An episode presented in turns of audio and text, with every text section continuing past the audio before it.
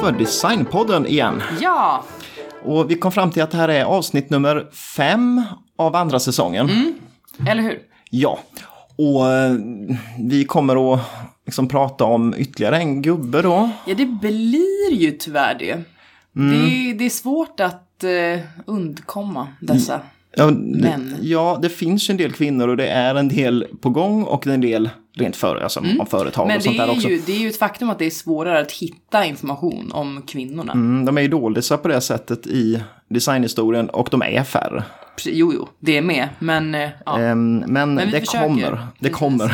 Jag är så jävla less med de här gubbarna nu, Mm. men det får bli så.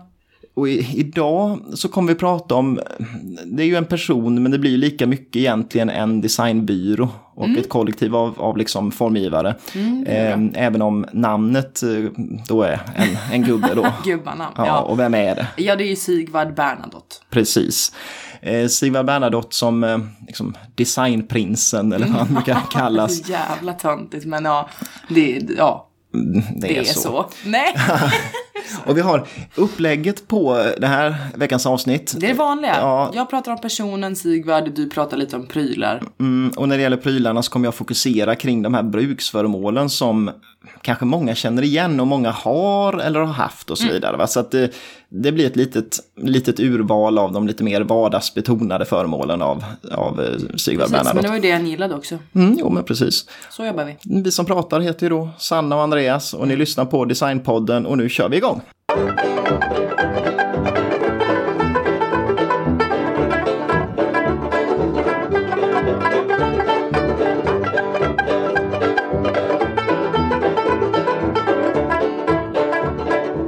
Sigvard Bernadotte då.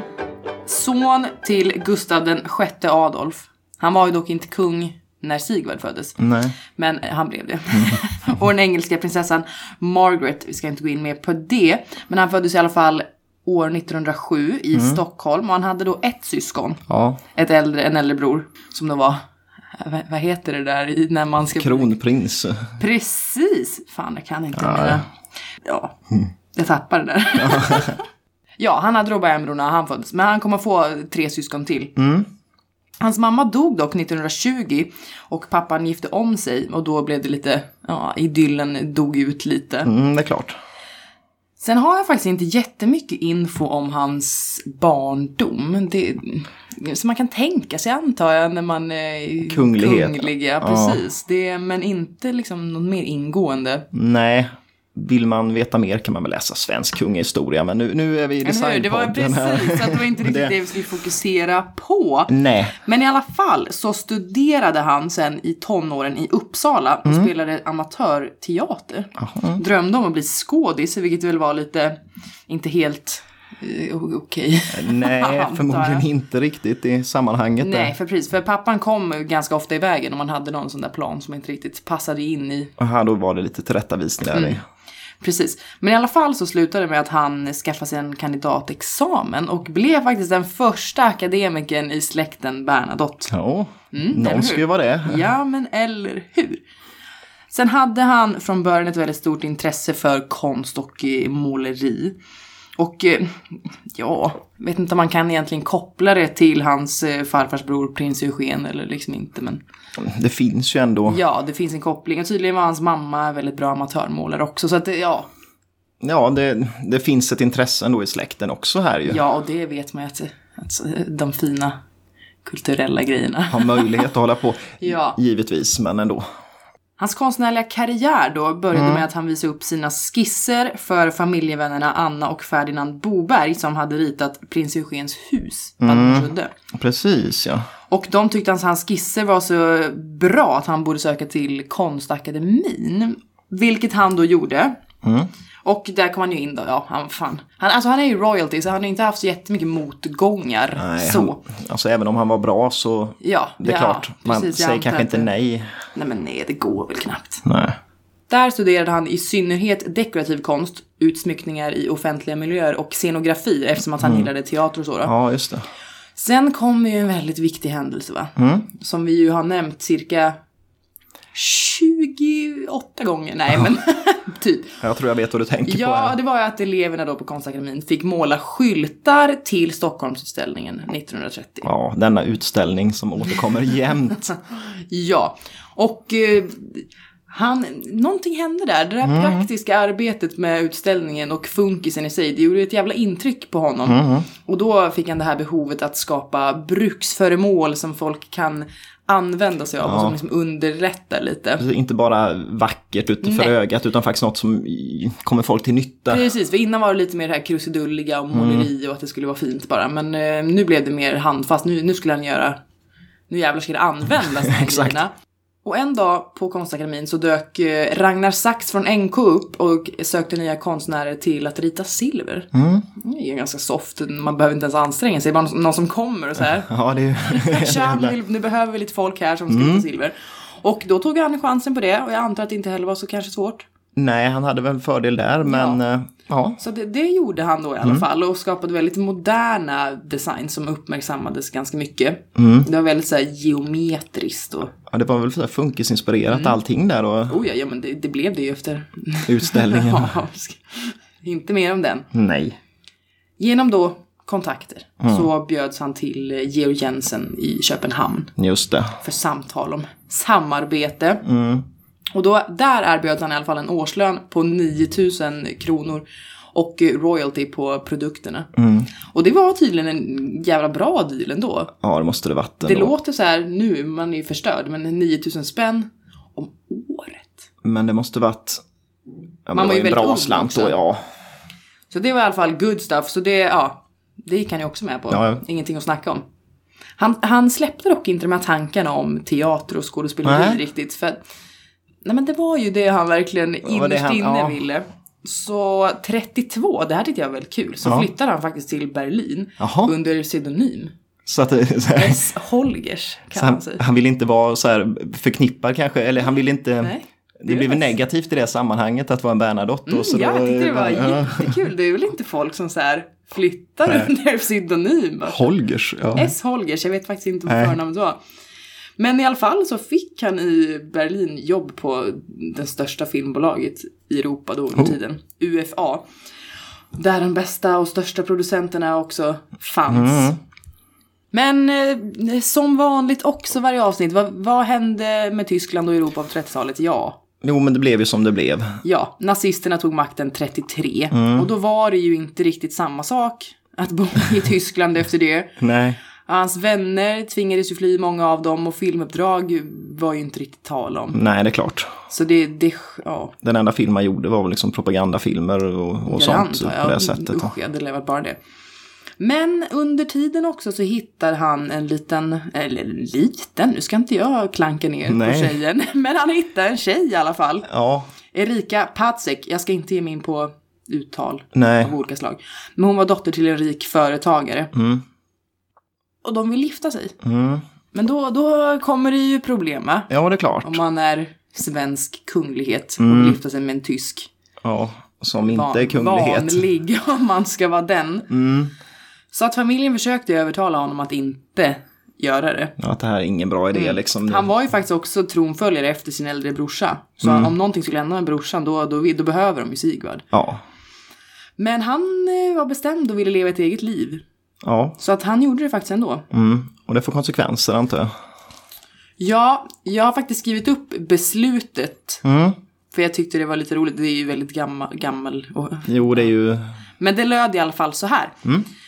Genom sitt sålunda utan konungens samtycke och med enskild utländsk mans dotter ingångna äktenskap har hans kungliga höghet hertigen av Uppland, som är Sigvard då, jämlikt regeringsformen och su- suk- suk- Successionsordningen. successionsordningen förverkat sin arvsrätt till riket för sig, barn och efterkommande. Tillika har han gått förlustig de titlar och företrädesrättigheter han i sin egenskap av arvfurste hittills åtnjutit. Just det. Så allting liksom. Så att det blir liksom från riktig prins till sen, sen Till, till designprins. inget. Liksom. Och, ja. eh, och eh, ja, skitsamma. Men för sig och barn och efterkommande, det är ju väldigt stenhårt. Det är ja, liksom absolut. Inte, det är inte bara dig det här ger konsekvenser för, det, det är alla. Ja, Nej, men det här blir väl här att nu är du inte kunglighet längre för nu har du gjort det här valet. Mm. Så att så blev det ju. Och eh, det här är lite sidospår, men det är ändå så pass intressant kände jag. Att, men i alla fall så blev han 1951 adlad av storhertiginnan Charlotte av Luxemburg till prins igen. Jaha. Och då jobbade han i princip de sista decennierna, alltså decennierna av sitt liv att försöka få tillbaka den här eh, Officiella prinstiteln mm. av brorsonen då, den nuvarande kungen, Ja. Karl XVI Gustav. Så att han skulle liksom erkänna den här prinstiteln Mm. igen. Men eh, tydligen så eh, skulle inte det gå. Nej. Tydligen kan, kunde, eller hävdar de i alla fall, att man inte kan återställa någonting som har fattats i konselj. Nej. Så då krävdes det massa regeringsbeslut och jätte, liksom, seriös på hög nivå. Mm. Och det blir inte. Nej, det hinner inte liksom hända innan han dör. Så att han fick aldrig bli prins igen. Nej. Men ändå. Jävla, Jo. jävla hårt det ska vara. Nej. Ja. ja. Men sen så här, ja, kämpa för att bli det när man har Ja. liksom sagt upp det en gång. Och, och samtidigt verkar han ju inte så jätte... Alltså nu ska man inte spekulera, men det, det verkar inte som att, att kung, det här kungliga intresserar honom mest, utan det är ju det här andra. Ja, jag vet faktiskt inte Nej. anledningen, men så var det. Mm. Åter till 30-talet och när han då var nygift. Han fick ju då inte heller längre några mm, ekonomiska underhåll. nej. Så att de försörjdes i, i synnerhet av Rikas pappa då som var rik företagare. Mm. Och de här silveruppdragen han gjorde till Georg Jensen. Jo, det är klart. Och lite filmuppdrag då, men det var ju inte direkt någonting då. Men sen får han en till eh, liksom, chans när han glider på någon jävla räkmacka. Säger man det? När man glider på ett bananskal? Nej, skitsamma. Han får ett jobb i USA. Oj då.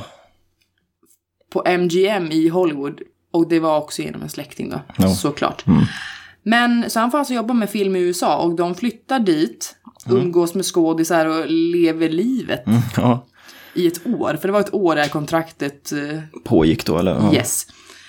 Och det, det blev ju så bra. Vad fan, de eh, lever livet. Så de bestämmer sig för att de vill bo där permanent. De åker tillbaka till Berlin för att hämta alla sakerna. Ja. Flyttar till Santa Monica tror jag det var. Och det går ju inte lika lätt Sen den här Nej, gången.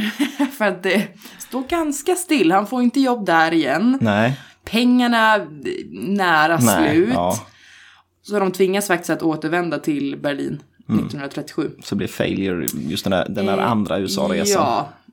Och då då, när det börjar närma sig 40-talet i Mm. Tyskland så vet vi ju också vad som händer. Ja då. Ja, det blir ju andra världskriget helt enkelt. Ja. Och eh, paret drivs till Köpenhamn. Mm, för att komma bort ifrån. Mm, men då, ja, Ja, det blir de också... ockuperas ju också.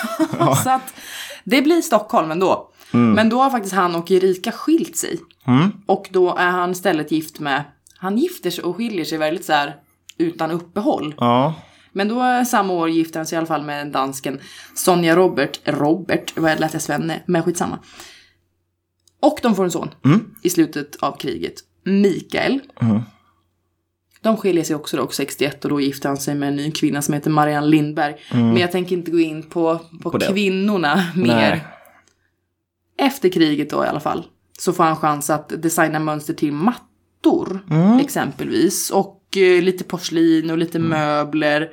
Vet ju inte helt hur han får de här uppdragen men det, det låter ju väldigt som att det bara att det bara kommer till honom liksom. Det låter inte som att han har fått kämpa allt för hårt Nej. med någonting. Men det är ju då industri, industridesign som ja som, som är hans passion Ja. Mm. liksom. Så han och den här dansken, vad hur säger man det här jävla namnet? Akton, aceton ser det ja. ut som typ. Ja, Akton Björn. va? ja, det är jättekonstigt. Men de startar i alla fall ett företag tillsammans 1950. Mm. Namnet var Sigvard Bernadotte och Akton Björn Industridesign, inte mer komplicerat än så. Det samarbetet varade till 64. Mm. Sen så gick de, Skilda vägar där. ja, skilda världar tänkte jag säga, det är en serie. Ja, det är en serie som inte vi ska behöva ta upp någonsin igen, känns det som. Jo, men inte just Nej. Sigvard då skapade istället ett eget företag. Mm. Eller utav det där gamla lite grann. Ja, Bernadotte Design AB. mm, naturligt. Ja. Mm, Där. Och där deltog han i den dagliga verksamheten så mycket han kunde. Mm. Besökte kunder, prese- presenterade uppdrag, uppdrag och så vidare. Men det var ju inte han som ritade. Nej, utan han godkände väl mer än ritade. Va? Och det verkar ha gått ganska bra. Mm. Till 72. och den stundande oljekrisen. Ja, det är slog- alltid någonting. Den slog ju jäkligt hårt och särskilt mot företag som gjorde plastmaterial och sånt. Liksom gick ju åt skogen helt och hållet där. Så att mm, det var nog många som dukade under. Och, Precis, och även Sigvard. ja. Sen har jag också väldigt lite om vad som hände i, i slutet av hans liv, men eh, han fortsatte i alla fall vara verksam in, liksom, inom, Formgivning och sånt. ja, till 65 års ålder, alltså officiellt. Sen eh, frilansade han tills sin död, 2002, när han Ja. var 94 år gammal. Men som sagt, vet faktiskt inte egentligen mer än så. Mer än att han jobbade in i kaklet liksom. Precis. Mm. Nej, men det är väl, tycker jag, en jättebra sammanfattning av Sigvard Bernadottes Ja, liv. Ja, nej, men jag tycker också det. Det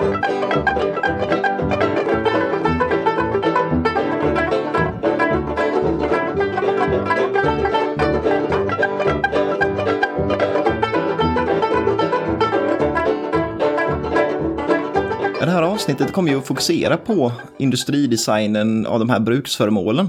Och det är lite roligt egentligen tycker jag för att det här med funkisen när det slog igenom så det är ju en sån här sosse koppling Ja, där känns som Ja, det är så folkhemmet och, och den stora massans grejer. Och Oh, ja. Det är ju inte helt liksom, självklart att det ska vara en kunglighet som ritar mycket föremål, liksom, ritar juicepressar och sånt här. Liksom. Nej, och nej. Men det är ju roligt ändå. Och han verkar verkligen ha fastnat för dels funkisen och dels industridesignen. Och jag tänkte börja lite för tydligen 1953 så skrev Sigvard en, ett häfte var det väl mer, det var inte en bok utan det var ganska litet men det var någon mm, bokserie då. Eh, Och den hette ehm, Industrial Design eh, modern industriell formgivning. Och tydligen var det så att industridesign hade inte fått ett, knappt ett ord på svenska ändå, för det fanns Aha, ingen som okej. jobbade med det så, det fanns ju inga utbildningar inom det, utan då använde han det engelska uttrycket som väl var det som ja, de arkitekterna använde sig av fortfarande då, industrial design. Och det han ville liksom betona, om man säger, va, det var att det är inte en stilinriktning som funkisen till exempel. Eh, Det är något annat, det är ju liksom mer, liksom, och liksom industridesignen har egentligen funnits så länge massproduktion har funnits. För så fort du massproducerar en vara, då måste ju någon ha designat den för massproduktion. Ja, oh ja. Och eh, huvudsyftet med industridesignen är heller inte att göra en, en, en, en för ögat vacker vara, Nej. utan att göra en ändamålsenlig vara. Och där är han ju väldigt inne på funkis-tankarna med det. Oh ja. Och då diskuterar han lite i den här texten, så här, hur viktigt är utseendet egentligen för försäljningen av en vara? Och då menar han att det finns olika typer av varor och olika liksom, orsaker till varför de just, hur viktigt utseendet är. Och han gav två exempel, det var en sked och en svarv. Och det är ju ganska liksom, skillnad på de här Ja, jo, varorna. jo. Och då menar han på att skeden, funktionen är redan bestämd, den är rätt klar, du ska äta med den. Liksom. ja, ja. Och att göra en helt revolutionerande sked som inte går att föra till munnen till exempel är jättedumt. Så därför är det ingen som gör det. Eh, och då innebär det att ja, funktionen är rätt bestämd och därför är det 90% utseende helt enkelt när du som eh, designer då tar fram formen på en sked. Svarven däremot är en helt annan sak med. För den liksom, då- handlar det om säkerhet och sen funktion, hur bra kan du svarva med den, hur bra är handtagen att hålla i och så vidare. Och på en svarv så menar han att kanske 3 eller 5 procent var eh, utseende och resten är egentligen bara ren funktion. Och sen alla föremål som finns runt omkring oss, det är egentligen bara de, de kan sättas in i olika grader på den här skalan. och det är det som avgör liksom hur mycket utseendet egentligen har i betydelse. Det Sigvard menade också och, och tryckte på väldigt hårt var att samarbetet var extremt viktigt när det gällde industridesigners. För man måste samarbeta med företaget man jobbar för. Med produktionen, med konsumenterna och, och liksom, man får inte se sig som en konstnär. För en, eh, på det sättet liksom. För en konstnär är ju kompromisslös, lägger bara fram liksom så här ska det se ut. Men en industridesigner måste hela tiden kompromissa, komma med ett förslag, bolla det fram och tillbaka, för att annars blir det, faller det platt liksom. Ja, det köper jag. Och det han också menade väldigt, var väldigt viktigt var att inte göra för stora förändringar. Att inte hoppa för stora steg. För problemet var att konsumenterna känner inte igen sig då. Om du gör en brödrost som i och för sig är fruktansvärt bra, men den ser inte alls ut som en brödrost. Mm, nej, du förstår inte hur du använder den, så köper ingen den. Så därför tyckte han att en industridesigner kunde till exempel ha ett tioårsmål. Om tio år ska en brödrost se ut så här. Men samtidigt blir det så att den brödrosten som ska lanseras nästa år ser ganska exakt likadan ut som en, en vanlig brödrost. Och så gör man de här gradvisa förändringarna. Och det handlade mycket om att ta hänsyn till liksom, hur konsumenten såg på, Ja, för att göra en eh, kommersiellt gångbar Ja, ja, produkt. det måste man ju uppenbarligen. Och här tyckte han just att det, man skulle se det här liksom med konsthantverket och de som jobbade liksom mer som konstnärer inom hantverkssektorn, att se det som en experimentverkstad som industridesignerna sen skulle inspireras av för att göra sina produkter. Och jag tycker det är likheter med Wägners tänkande som vi hade i förra avsnittet. För det var just där att för Johannes Hansen gjorde han jäkligt fantastiska stolar, men de var alldeles för dyra så de skulle aldrig kunna massproduceras och de går inte att massproducera heller. Och sen tog man vidare det här på Carl Hansen, där man sen då kunde göra billigare eller enklare varianter som, mass, liksom, som var för massproduktion. Men de hade ju inte blivit möjliga om inte de första stolarna också hade gjorts. Liksom. Nej. Så att, eh, ja, det är lite kul parallell där tycker jag. ändå. Ja, för fan. Och Sigvard Bernadotte var ju via Bernadotte och Björn då, det här företaget, involverad i en massa olika eh, företag som industridesigner. Det var ju på AGA och han gjorde båtmotorer, han gjorde fläktar och primuskök och handfat och blandare och massa sånt. Men jag hoppar över det här lite för att på något sätt tycker jag, just i, i våran podd, tycker jag är roligast att fokusera kring de här bruksföremålen som folk har liksom haft Ja. eller som känner igen då istället för en skrivmaskin. Det är inte så. Vem vill höra om en båtmotor? Nej, alltså man kan applicera de här idéerna på samma sätt på båtmotorn Mm. som man kan på det andra.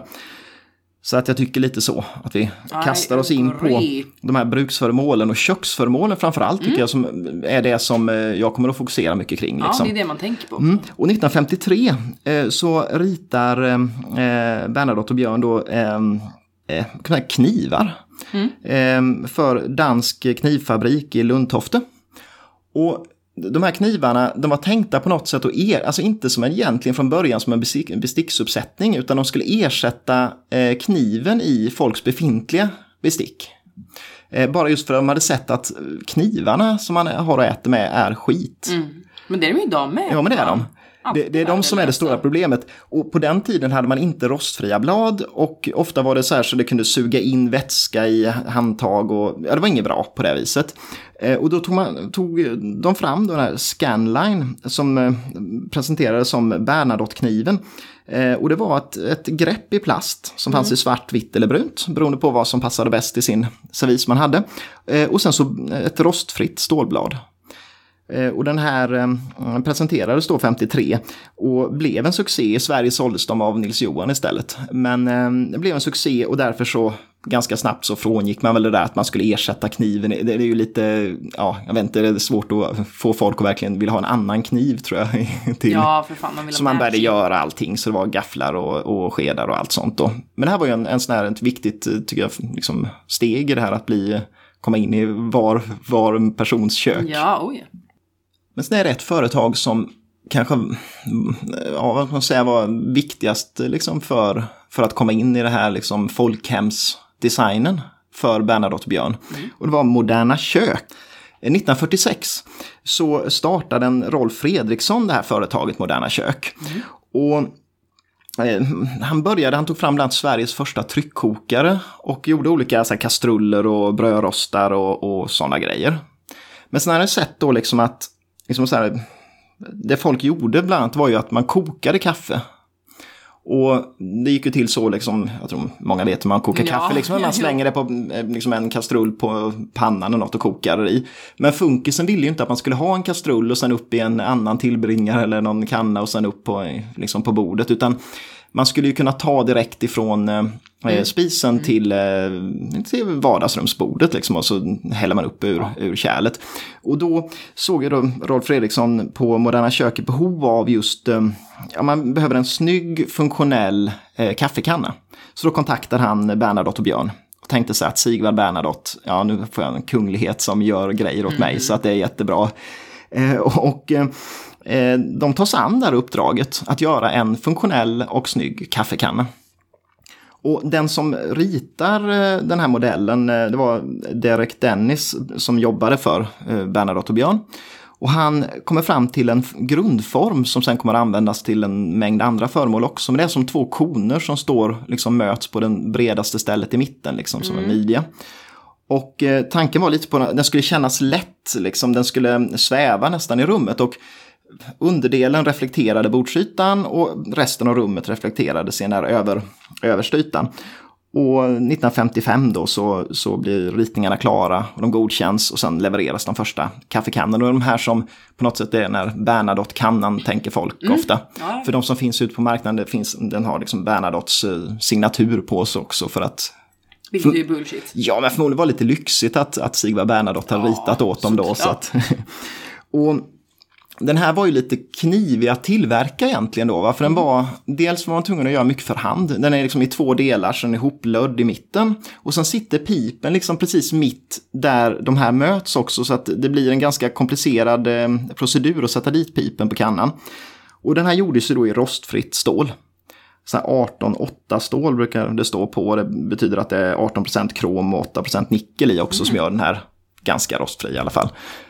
Ehm, och det var dyrt eh, med en sån här kanna. Jag tror den, ko- den kostade 60 kronor när den kom 1960 och det motsvarar 700 kronor idag. Så det är, ganska, det är liksom inte en masskonsumentprodukt men den blev ändå himla populär kanske på grund av att den var, ja, passade bra i tiden och Sigvard Bernadottes namn som stod på den då.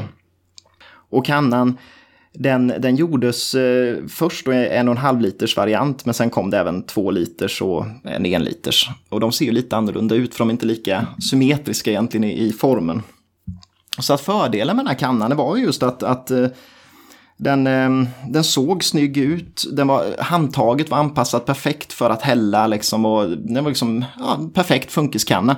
Men den blev ju dyr, den eh, var svår att tillverka och eh, sen var det ett annat problem med den tydligen också och det var att trots då att det var, man skulle säga att det är industridesign och så, men den var inte anpassad för de svenska spisarna. Nej men åh. Så att den var mindre än minsta plattan.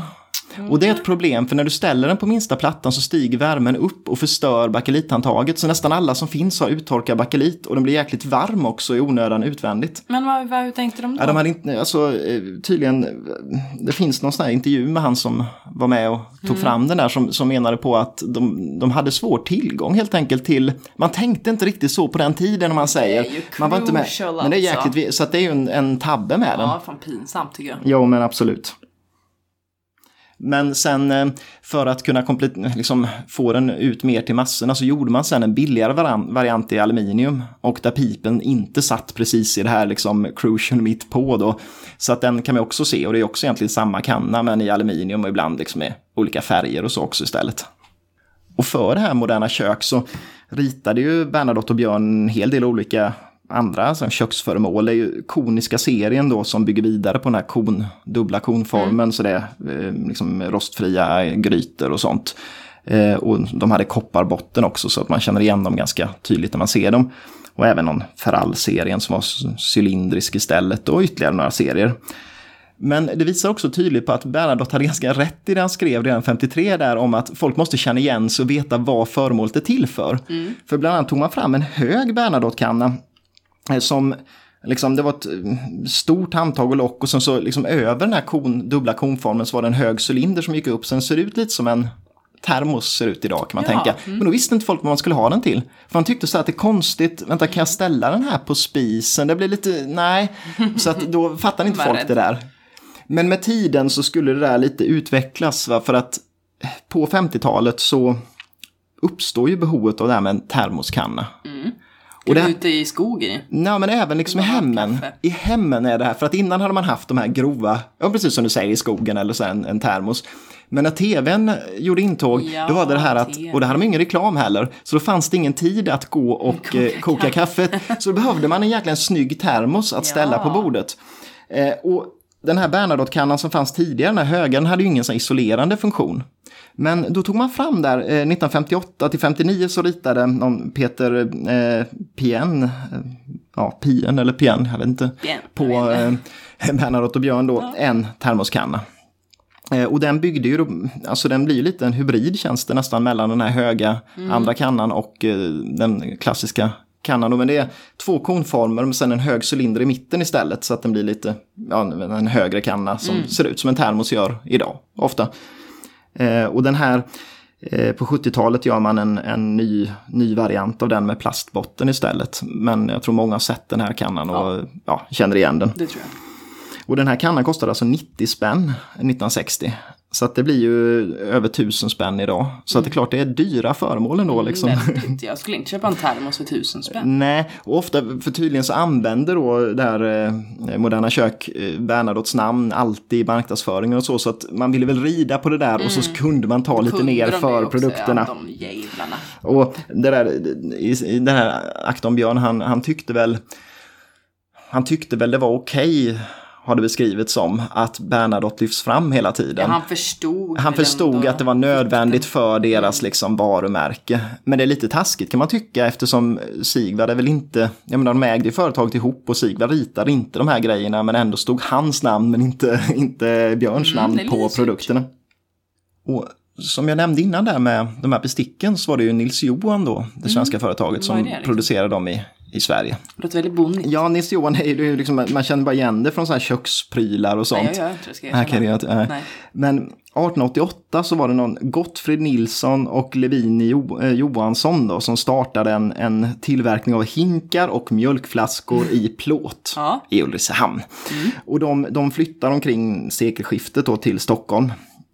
Och det här växer ju jäkligt snabbt det här företaget och blir ledande egentligen när det gäller eh, liksom hushålls, nej, men hushållsföremål. Man breddar ju naturligtvis produktionen då. Va? Ehm, och ehm, 1953 då så bland annat tar man in den här Scanline-besticken till Sverige. Ehm, Men det många känner igen tror jag, eh, och sådär när det gäller Bernadotte och, och eh, Nils-Johan, det är den här väggkonservöppnaren Röda Klara. Ja, just det. Eh, liksom en sån här vevmodell. Man skruvar den på väggen, håller upp eh, burken och vevar. Och den hade tydligen uppstått eftersom ja, det var hemmafruarnas årtionde liksom. Och många tyckte att dels de här klassiska konservöppnarna, de var eh, Liksom, det gjorde att burken blev vass och farlig nästan när man Mm, öppnat den. Och så krävs det lite styrka och teknik för att kunna öppna en, en burk. Eh, Men då hade, ju, hade man redan eh, på 40-talet tagit fram en vägg, väggkonservöppnare. Men den var helt i metall och inte lika smidig riktigt i konstruktionen. Det är det sista man vill ha på väggen. Jo, det är ju det, va? Men, men då var det så funktion snarare än snyggt. Så man fan äta mycket konserver för att det ska vara värt. Men 1966 så får man uppdrag då att modernisera de tidigare. Det fanns ju en röd Klara sedan tidigare och, och, och så vidare. Då, va? Men, eh, och tanken var att göra den helt i plast eh, och göra den hållbar. Eh, och den som får i uppdrag är Henrik Walfors på eh, Bernadotte och Björn. Och han ritar nya röda Klara då. Och varför den, alltså för att förstå hur stor, alltså hur viktig produkt det där var så ska man förstå att 1970 såldes 415 000 röda Klara. Oj. Så att det är ju liksom, det kan ju inte funnits något hem i Sverige som inte hade en röd Klara i princip. Och samma år så gör man även en brödrost, eh, Rossi, som kanske många sett också. Den är liksom bara öppen, den är liksom en hylla på varje sida kan man säga och lite konformad uppåt. Så lägger man bara två brödskivor mot eh, värmeelementet på varje sida så vänder man manuellt efter liksom halva tiden. Nej, Så att, att, eh. Ja, men det är en, en sån där som gjordes där också. Och på något sätt, eh, Sigvard Bernadottes namn gav ju liksom den här stjärnglansen åt eh, Nils Johan som företag. Och med tiden så började man ju säga att Sigvard Bernadotte har ritat massa produkter för företaget som han eh, liksom inte har gjort. Nej. För det finns exempel på det. Det finns en ishink i rostfritt, det finns en rostfri termoskanna och en, den där nya cyklon, en mekanisk visp som man vevar så här på sidan. Men det har ju inte Bernadotte ritat. Men, Han har inte eh, ritat något ändå väl? Eller? Nej, men inte heller hans firma har ritat det, utan det är liksom det är, det är. Mm. Nils Johans egna produkter som kanske ändå liksom, de red på den här stjärnglansen från att vissa produkter var ritade av, av Bernadotte och I Björn. see, I see. Men för att komma in på det här med plast då. Mm. För plasten fick ju större och större betydelse under 50-talet. Och grejen var att i början fick ju plasten väldigt dåligt rykte. Eh, för det är ju, ja det är bara att erkänna, det är ju inte ett lika gediget och bra material egentligen när det gäller hållfasthet och så va. Men problemet var väl i början, man visste ju inte hur den skulle användas riktigt och vad den tålde för.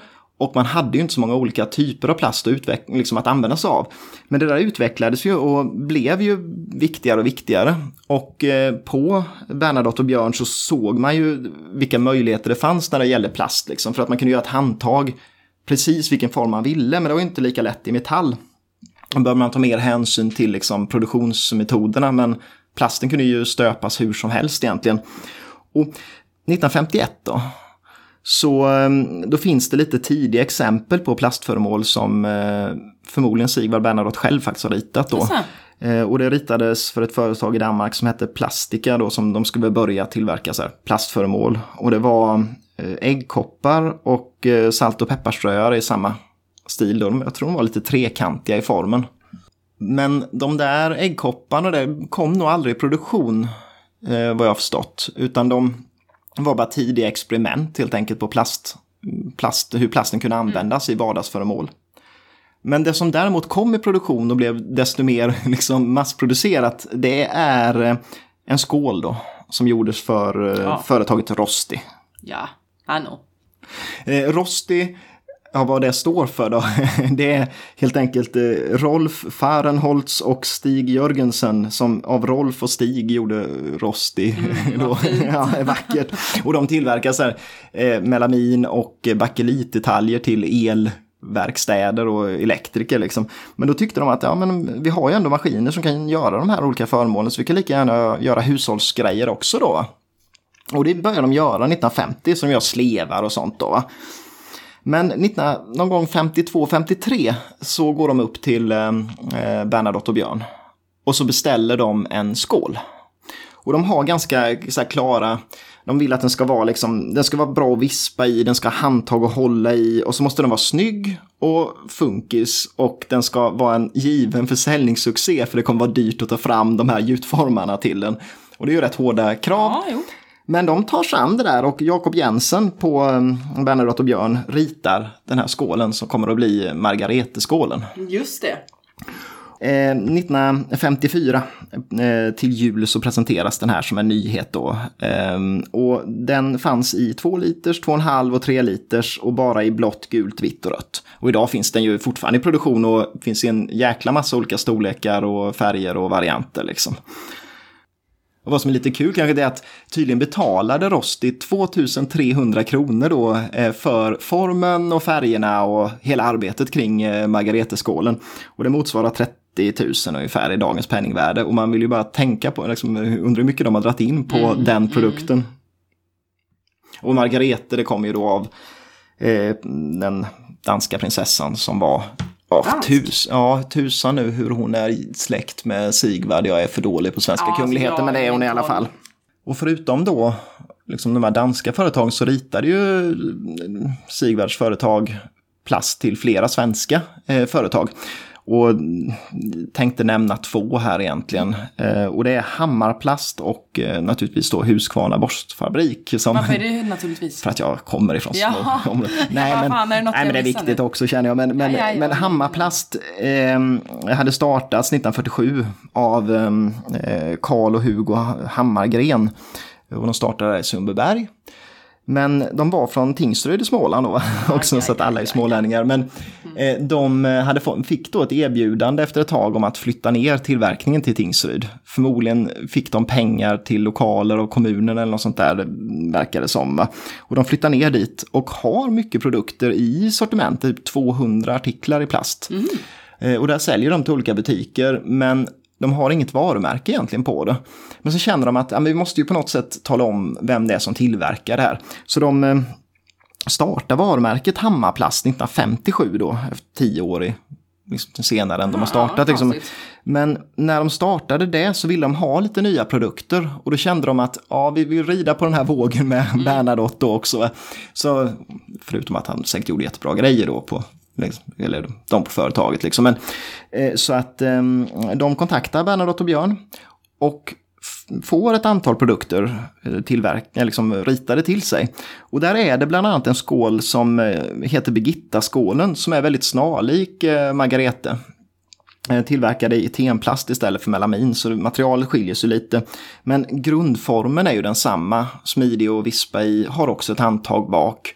Eh, men den här skålen hade liksom, vad ska man kalla det, liksom en avfasning eller liksom en så här i botten så att du kunde tippa den framåt och den stod ändå stadigt om man säger. Va? Och det är smidigt när du vispar för då så eh, ja. får man liksom, man kan ha den i olika vinklar. Mm. Så är det ett smart grej. Men sen ritades även då äggkoppar och en citruspress till företaget. Eh, och äggkopparna och ja, citruspressen också är trekantig form så det återkommer ju ofta i, i, ehm, i um, produkterna som är ritade på Bernadotte och Björn. Men, men den här äggkoppen ändrades tydligen på något sätt av, av Hammarplast så att Bernadotte ville inte längre att hans namn skulle stå med på produkten så de fick slipa bort Bernadotte så att eh, han var väl inte helt nöjd över hur citruspressen blev men den har nog många sett också den trekantiga citrusvarianten där. Men så då till Huskvarna borstfabrik. Borst.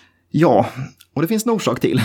För att eh, Husqvarna är annars klassiskt ett vapen, en vapentillverkare i Sverige. Mycket av de svenska militära skjutvapnen och så var ju tillverkade på Husqvarna eh, vapenfabrik. Men då var det en anställd där som redan på 1890-talet, eh, Emil Nilsson, han kände att eh, ja, men jag vill köra någon sidoverksamhet. Så att han startade Husqvarna borstfabrik.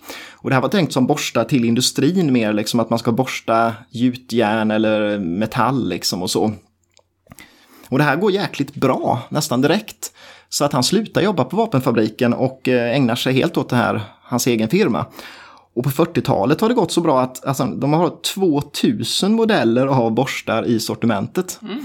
Men där tänkte man ju enbart rent utifrån industridesign så att det var ju inte någonting eh, alltså med form på det sättet. Och det behövde man ju inte göra för det var hantverkare som skulle ha dem så de sket väl i om hur de såg ut liksom utan det var bara viktigt att de är bra borstar med liksom.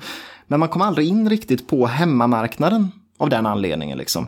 Så därför kontaktar även Husqvarna borstfabrik eh, Bernadotte och Björn och vill att de ska rita eh, borstar till, till hemmen. Och det görs också.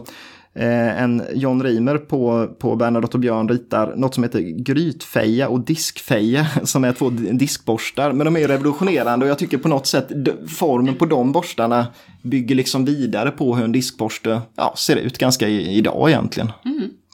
Men den här Husqvarna borstfabrik, de vill ju bredda sortimentet och inte bara göra borstar. För det är ju rätt begränsat ändå att göra just ja, borstar.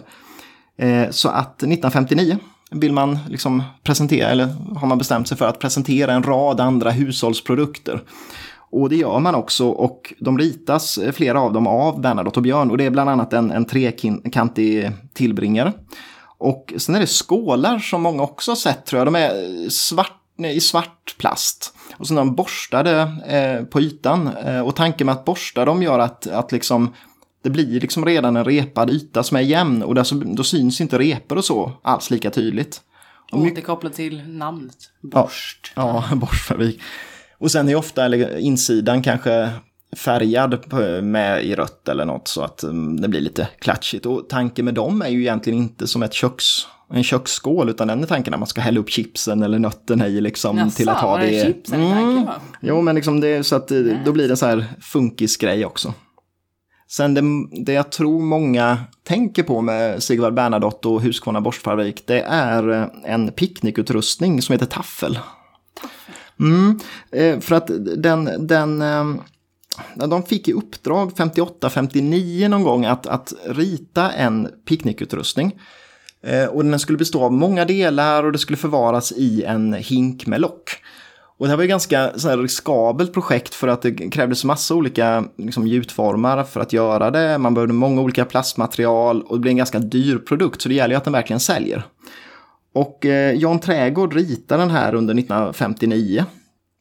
Och den består liksom av den här fyrkantiga hinken med ett fyrkantigt lock. Eh, sen finns det fyrkantiga tallrikar och eh, det finns fyrkantiga burkar med lock som man kan ha liksom, mackor och, och grejer i då när man går ut i skogen och picknickar. Liksom. Mm. Eh, och sen då trekantiga formen återkommer då för termosen är trekantig och muggarna är trekantiga. Och allt det här kan förvaras i hinken. Eh, och den blir ju en, för, en försäljningssuccé och ja, dyker upp ibland på auktion faktiskt nu för tiden. För att eh, mm. ganska, om den är helt komplett och så kan den kosta lite grann i alla fall.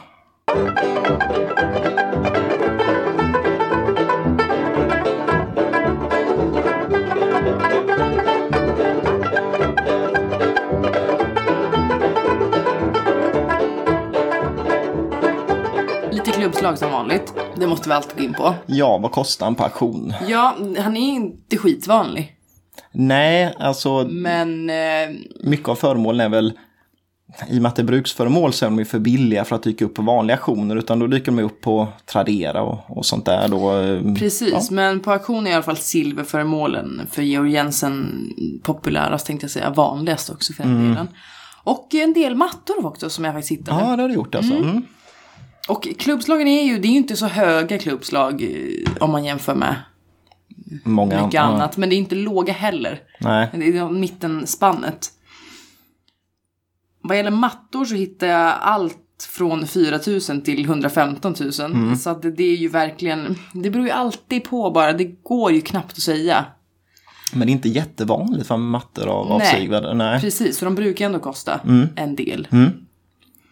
Men ja, 115 var också det högsta klubbslaget jag har hittat på auktion.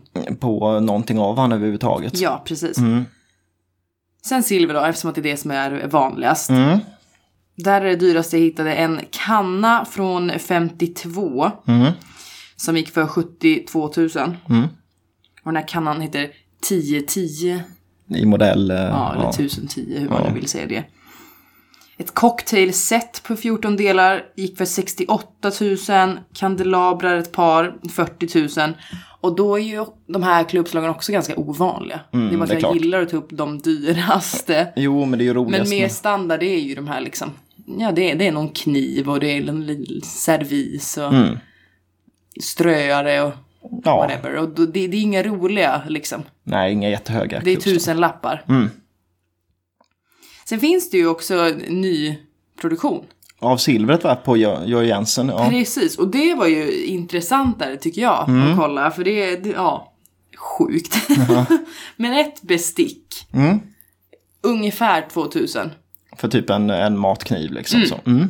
Och då hittar ju samma bestick, får man 72, del, 72 delar för 27 000. Mm. Vilket blir 375 kronor styck. så att det är ju från 375 till eh, 2000. Och då kan Mm. ju dessutom de här vara lite äldre bestick på auktion så att det är himla mycket roligare att ha dem. Precis, så att eh, köp inga Nya. bestick, 2000 spänn bestick, det tycker jag inte. Nej. Hittar också en soppslev, en Ja. stor, för 19 400. För en soppslev. Mm. Bricka för 66 850. Mm. En annan kanna, Mm. 856A, Ja, för 75 000. för en kanna. Mm, och den här kannan då som gick så bra på auktion, 1010 eller 1010.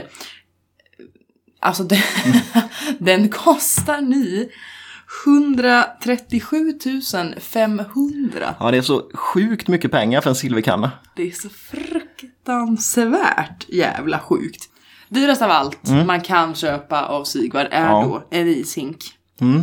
819D heter den och den kostar 187 400 kronor. Ja, så att man kan väl dra slutsatsen att eh, det känns inte som helt försvarbart rent eh, inte ekonomiskt att köpa, köpa nyproducerat silver från Georg Jensen av eh, Sigvard Bernadotte. Nej, jag tycker det är en dum idé ändå faktiskt. Ja, och därmed var avsnittet om Sigvard Bernadotte och egentligen mer ett avsnitt om då Bernadotte och Björn och de liksom, produkterna som skapats kring, Mm. kring det företaget. Ja, då är det slut. Yeah. Ehm, vi skulle nämna, vi har använt en bok ehm, som är värd att nämna i sammanhanget tycker Mm. jag. Eh, vilken är det? det är, eh, heter Sigvard Bernadotte och skandinavisk industridesign av Thomas eh, Lindblad. På, som, är från Precis. Signum förlag och den Mm. kan vara liksom kul att läsa tycker jag.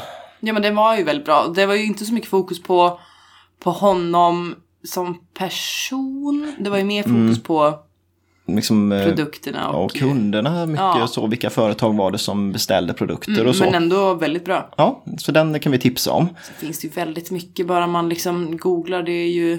Det finns mycket information om, om uh, Sigvard Verkligen. Bernadotte. Men eh, vi känner väl lite att vi har gjort en liten sammanfattning där i alla fall. Det har vi. Eh, och det är lite roligt att ta någon sån här... Han sticker ju ut ändå som person bara det, för det att roligt. det är liksom en kunglighet och eh, Ja. han ägnar sig åt funkis. Och det, Ja, men det gillar man ju. ja, men det är roligt. Eh, och det, ja, då är Det var allt. Veckans avsnitt slut. På... Nej, precis. Ehm, och nästa vecka så, vi ska inte ta en gubbe till i alla fall. Och sen Nej, förhoppningsvis inte. Jag Vi- orkar inte mer. så, nej inte mer gubbar. Och vi har inte riktigt bestämt oss men vi, vi kommer att göra det. och vi, vill ni oss någonting så ja, släng iväg ett mail till. Ja, designpodden.gmail.com. Ja, eller kommentera gärna på, ehm, eller följ oss jättegärna på Ja. Instagram och Facebook och så. Så hoppas jag att vi hörs nästa vecka. Ja, tack hej.